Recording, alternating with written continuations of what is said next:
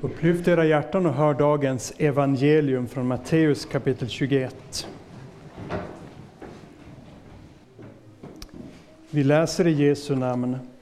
När de närmade sig Jerusalem och kom till Betfage vid Oljeberget sände Jesus iväg två lärjungar och sa till dem Gå in i byn där framför er.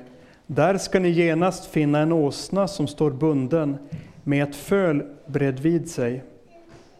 Ta loss dem och led dem till mig. Och om någon säger något till er ska ni svara Herren behöver dem och han ska strax skicka iväg dem. Detta hände för att det som var sagt genom profeten skulle uppfyllas. Säg till dottern Sion, se din kung kommer till dig, ödmjuk och ridande på en åsna, på en arbetsåsnas föl. Lärjungarna gav sig iväg och gjorde som Jesus hade befallt dem. De hämtade åsnan och fölet och la sina mantlar på dem, och han satte upp. Den stora folkmassan bredde ut sina mantlar på vägen. Andra skar kvistar från träden och strödde på vägen. Och folket, både de som gick före honom och de som följde efter, ropade Hosianna, Davids son, välsignade han som kommer i Herrens namn, Hosianna i höjden. Så lyder det heliga evangeliet. Lovad vare du Kristus. Nåd vare med er och frid från Gud vår Far och från vår Herre Jesus Kristus. Låt oss be med utgångspunkt i psalm 118. Himmelske Far, vi tackar dig för att du svarat oss och blivit vår frälsning. Den sten som byggnadsarbetarna kastade bort har blivit en hörnsten. Öppna våra ögon för ditt ord så att vi ser hur underbart det är att du har gjort den till detta. Låt oss jubla och vara glada. O Herre, fräls. Välsignad vare din son, Herre Jesus Kristus. Välsignade vare dem som tillhör ditt hus. Du, Herre, är Gud och din ande ger oss ljus. Du är vår Gud, vi vill tacka dig. Vår Gud, vi vill upphöja dig. Vi tackar dig, Herre, för du är god, för din nåd varar i evighet. I Jesu namn. Amen. När Jesus red in i Jerusalem så är det första gången som han öppet erkänner sig vara kung. Han har ju varit kung hela tiden, men han har ju velat så att säga, hela tiden tysta ner och dämpa allting om att han är Messias och så vidare. Men när han rider in i Jerusalem sista veckan, då rider han in som en kung. Hans lärjungar lägger på mantlar och jublar och han stoppar ingenting, utan nu låter det synas för alla att han är kung. Och det för att det skulle Eh, uppfyllas som står skrivet, se din kung, se din konung kommer till dig, ödmjuk och ridande på en åsna, på en arbetsåsnas föl. När David satte sin son Salomo på tronen så var det också så här. Salomo skulle sättas på en mulåsna utanför staden och så skulle man eh, under jubelrop låta honom tåga in eh, eller rida in på åsnan in i Jerusalem. Och det nu, skulle nu hända med, med Davids son Jesus. Under Salomos tid så var det stor frid i riket. De fick ro för alla sina fiender under långa tider. Och det var en tid av stor välstånd i landet. Samtidigt krävdes det mycket och Salomo la på folket tunga skatter. Och efter hans tid så bröt också freden snabbt ihop. Den Davidsättling som nu rider in i Jerusalem han kommer också med frid, eller med fred, nämligen mellan Gud och oss. Men kostnaden för att ordna det bekostar han själv. Vi som Guds fiender blev försonade med Gud genom hans död. Han fullgjorde vad vi borde och blev vår rättfärdighet. Han avvände vårt elände för både tid och evighet. Och därför finns det inte någon människa på jorden som inte har fått den rätten och förmånen att få vända sig till Herren med sina synder och brister och sjunga med i sången. Hosianna, Davids son, välsignad vare han som kommer i Herrens namn. Hosianna i höjden. Dopets renande vatten står öppet för den ogudaktige. Och för den som är döpt men har synd och oro och anfäktelse på samvetet får återvända till samme frälsare och få i nattvarden möta fridens konung. Ja, för mig sitt liv, sitt dyra blod, han ville icke spara, att för den dom mig förestod, jag skulle tryggad vara. Och den sångversen är som en gammal kämpe i Östra Smålands Missionsförening sa, det är en trygg kudde att dö på. Den sångversen är en trygg kudde att dö på. I Sakarja talas det om vagnar och hästar, militär utrustning. Men på samma, i samma ställe så står det om att Messias, han ska komma ridande på en åsna, ja på en åsninnas föl. Ödmjuk. Han skulle inte trampa ner sina motståndare. Så som till exempel på den här dagen faktiskt, den 27 november år 1095 var det väl, som det första korståget, Eh, man, man ropade, gjorde upprop för första korståget. Man skulle ta tillbaka Jerusalem från muslimerna. Eh, och det gjorde man också lyckades med det, men det var ju med blod, vass, eh, hästar och vagnar. Men när fridens konung kommer med sitt rike så är det inte på stridshäst utan på en, en liten, liten åsna. Han ska en gång komma som domare. Och ve den människa som möter vredens dag utan att ha tagit sin tillflykt hos frälsningskonungen. Vart ska vi då fly? Nej, tro evangelium. Tro evangelium medan det är tid. Och än är det tid.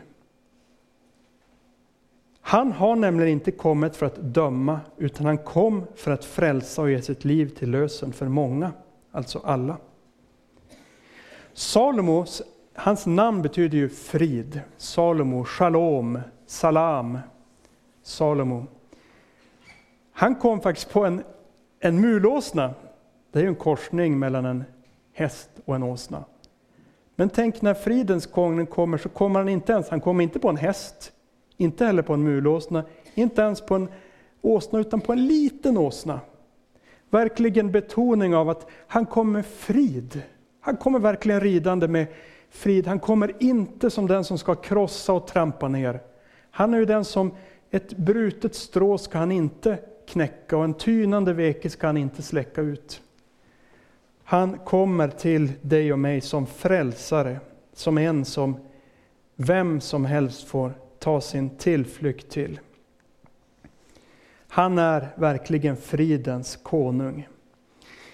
Vi läser, när de närmade sig Jerusalem och kom till Betfage vid Oljeberget sände Jesus iväg två lärjungar och sa till dem, gå in i byn framför er där ska ni genast finna en åsna som står bunden med ett föl bredvid sig. Ta loss dem och led dem till mig. Och om någon säger något till er ska ni svara, Herren behöver dem, och han ska strax skicka iväg dem. Detta hände för att det som var sagt genom profeten skulle uppfyllas. Säg till dottern Sion, det är ett poetiskt uttryck för Jerusalem. Säg till dottern Sion, Se din konung kommer till dig, ödmjuk och ridande på en åsna, på en arbetsåsnas föl. Ödmjuk, ridande på en åsna, på ett föl. Lärjungarna gav sig iväg och gjorde som Jesus befallt dem. De hämtade åsnan och fölet och la sina mantlar på dem och han satt upp. Den här 500 år gamla profetian från Sakarja gick alltså i uppfyllelse precis som det var skrivet.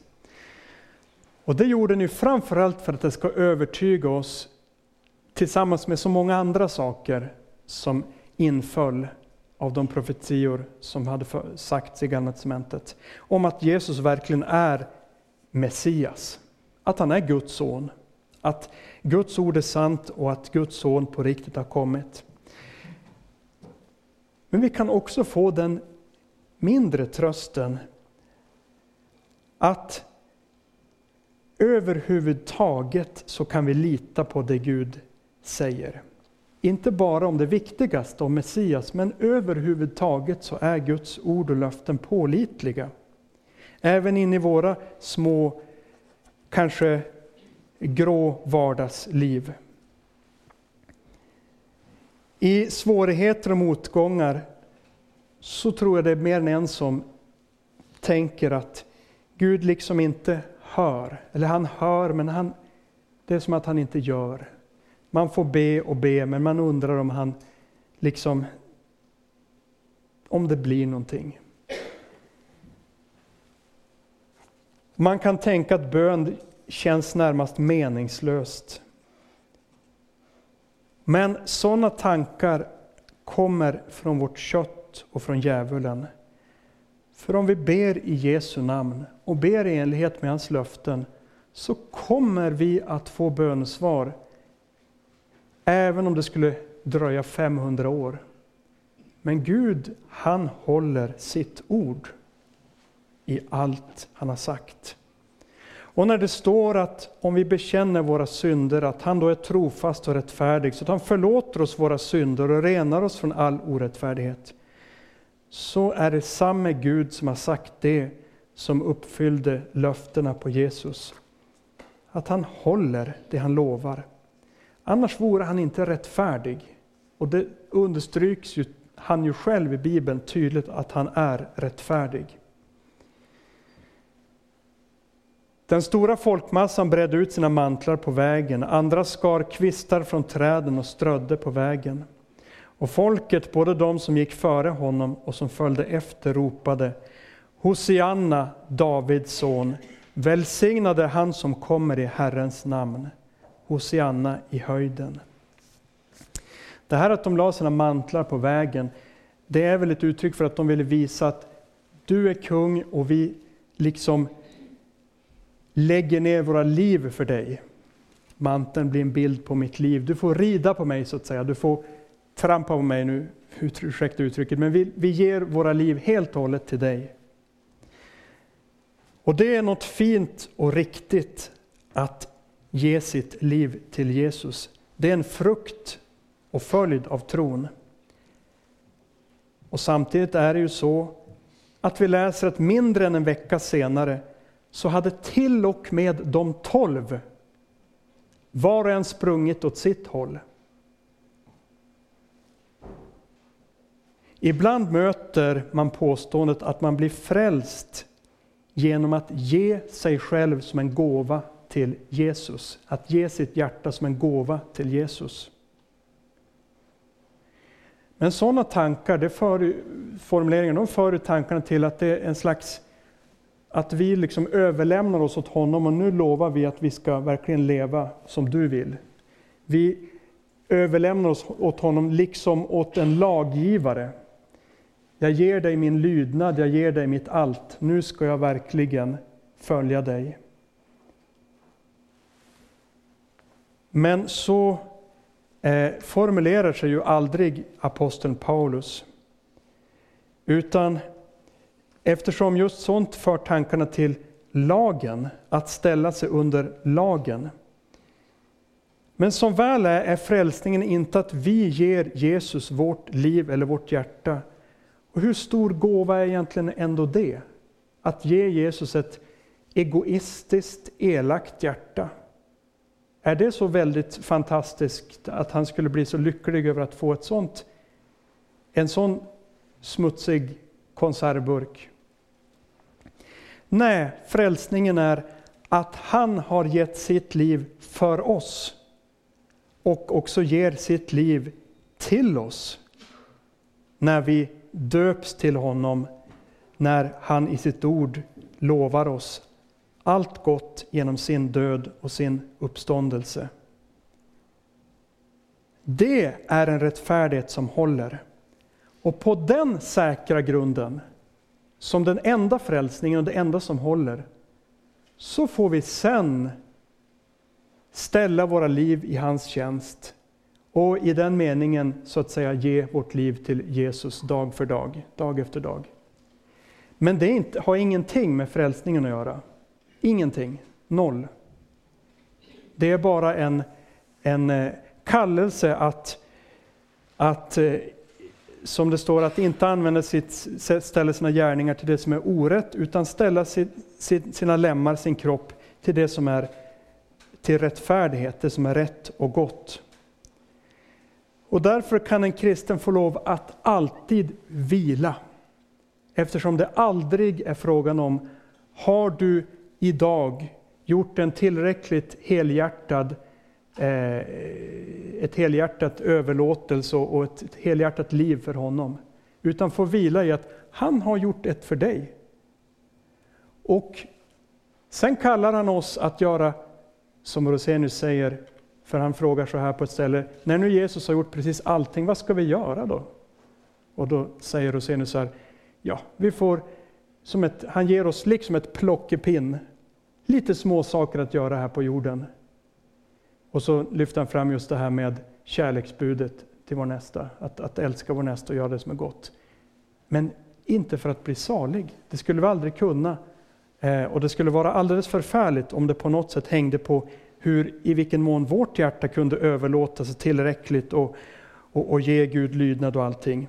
Men så som helt förlåtna och fria i kraft av Jesu uppståndelse, så får vi ägna oss åt detta plockepinn, att göra gott mot vår nästa och att ställa våra lemmar i rättfärdighetens tjänst till helgelse.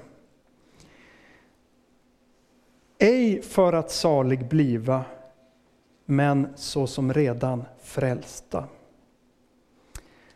Och tänk att Jesus sa om ett par åsnor, Herren behöver dem. Gud använder här på jorden vanliga medel, vanliga fysiska medel när han uträttar sitt verk. En otränad liten fåle som kanske var så pass osäker att Jesus lät hans mor också få följa med på köpet och antagligen gå där vid sidan om. Men han fick en så stor uppgift att bära frälsaren in i Jerusalem. Och vi får också i vår vardag tjäna Gud i de uppgifter vi har. Som pappa eller mamma bära sina småbarn på armarna som sköterska bära mat och medicin in till den gamla. Som snickare bära fram spik och brädor för att reparera någons hus.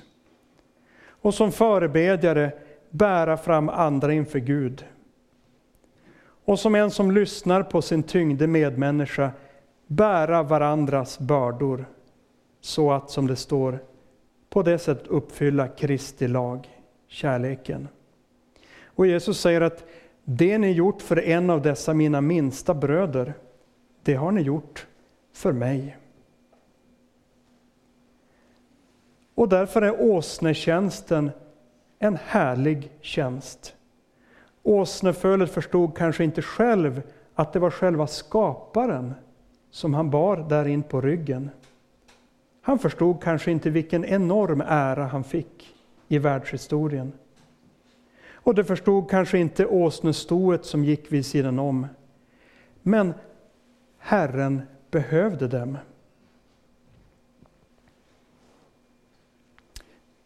Och till sist kan vi märka att Jesu eh, triumfatoriska intåg, det var ändå långt ifrån en yttre triumf. Under den här sista veckan så profeterade han om hur judarna skulle förkasta honom och templet rivas. De väntade och ville ha en annan med slags Messias. För dem var evangelium inget evangelium. Och även inom kristenheten har det ända sedan början varit en frestelse att lyssna till ett annat evangelium än det enkla evangeliet om Guds son som dog och uppstod för våra, vår frälsnings skull. Paulus han klagar i andra Korinthierbrevet 11, vers 4. Om någon kommer och predikar en annan Jesus än den vi har predikat, eller om ni tar emot en annan ande, eller ett annat evangelium än det ni tidigare tagit emot, då accepterar ni det gärna. Och så har det varit i kristenheten. Det har varit ganska lätt att föra in predikan om en annorlunda Jesus, ett annat evangelium. Och därför har vi också, är det så viktigt att vi inte låter våra öron lyssna på vad som helst som kallas kristet på Youtube och liknande. Och det är också, vi har ju en stor förmån att vi får lov att ha biblar ibland oss. Låt oss läsa dem. Låt oss läsa skriften, inte för att man som en, en laggärning, men också som en motståndskraft i en tid när det svämmar över med falska läror. Låt oss hålla oss tätt intill skriftens ord så att vi inte förs bort. Än lever vi i nådens tid, i nådens år och än på jorden, på Fridhem och på många andra platser på jorden, så predikas fortfarande omvändelse och syndernas förlåtelse i Jesu namn. Och du och jag, vi får tro det. Tro detta enkla budskap om att dina synder är dig förlåtna i Jesu namn och blod. Snart ska vi fira nattvard och det ser så litet ut. Men nattvardens bröd och vin bär Jesu Kristi kropp och blod till oss. En sån åsna har Gud valt till sig i nattvarden, bröd och vin. Och därför sjunger vi varje nattvardsgång, inte bara idag utan alltid när vi firar nattvard. Och det får vi sjunga även idag. Välsignad vare han som kommer i Herrens namn. Det är ord hämtade från Jesu intåg i Jerusalem. För att när vi har nattvarden här framför oss så sjunger vi till honom som har kommit i Herrens namn och kommer till oss med nåd. Amen. Ära vare Fadern och Sonen och den helige Ande, så som det var av begynnelsen, nu är och skall vara, från evighet till evighet. Amen.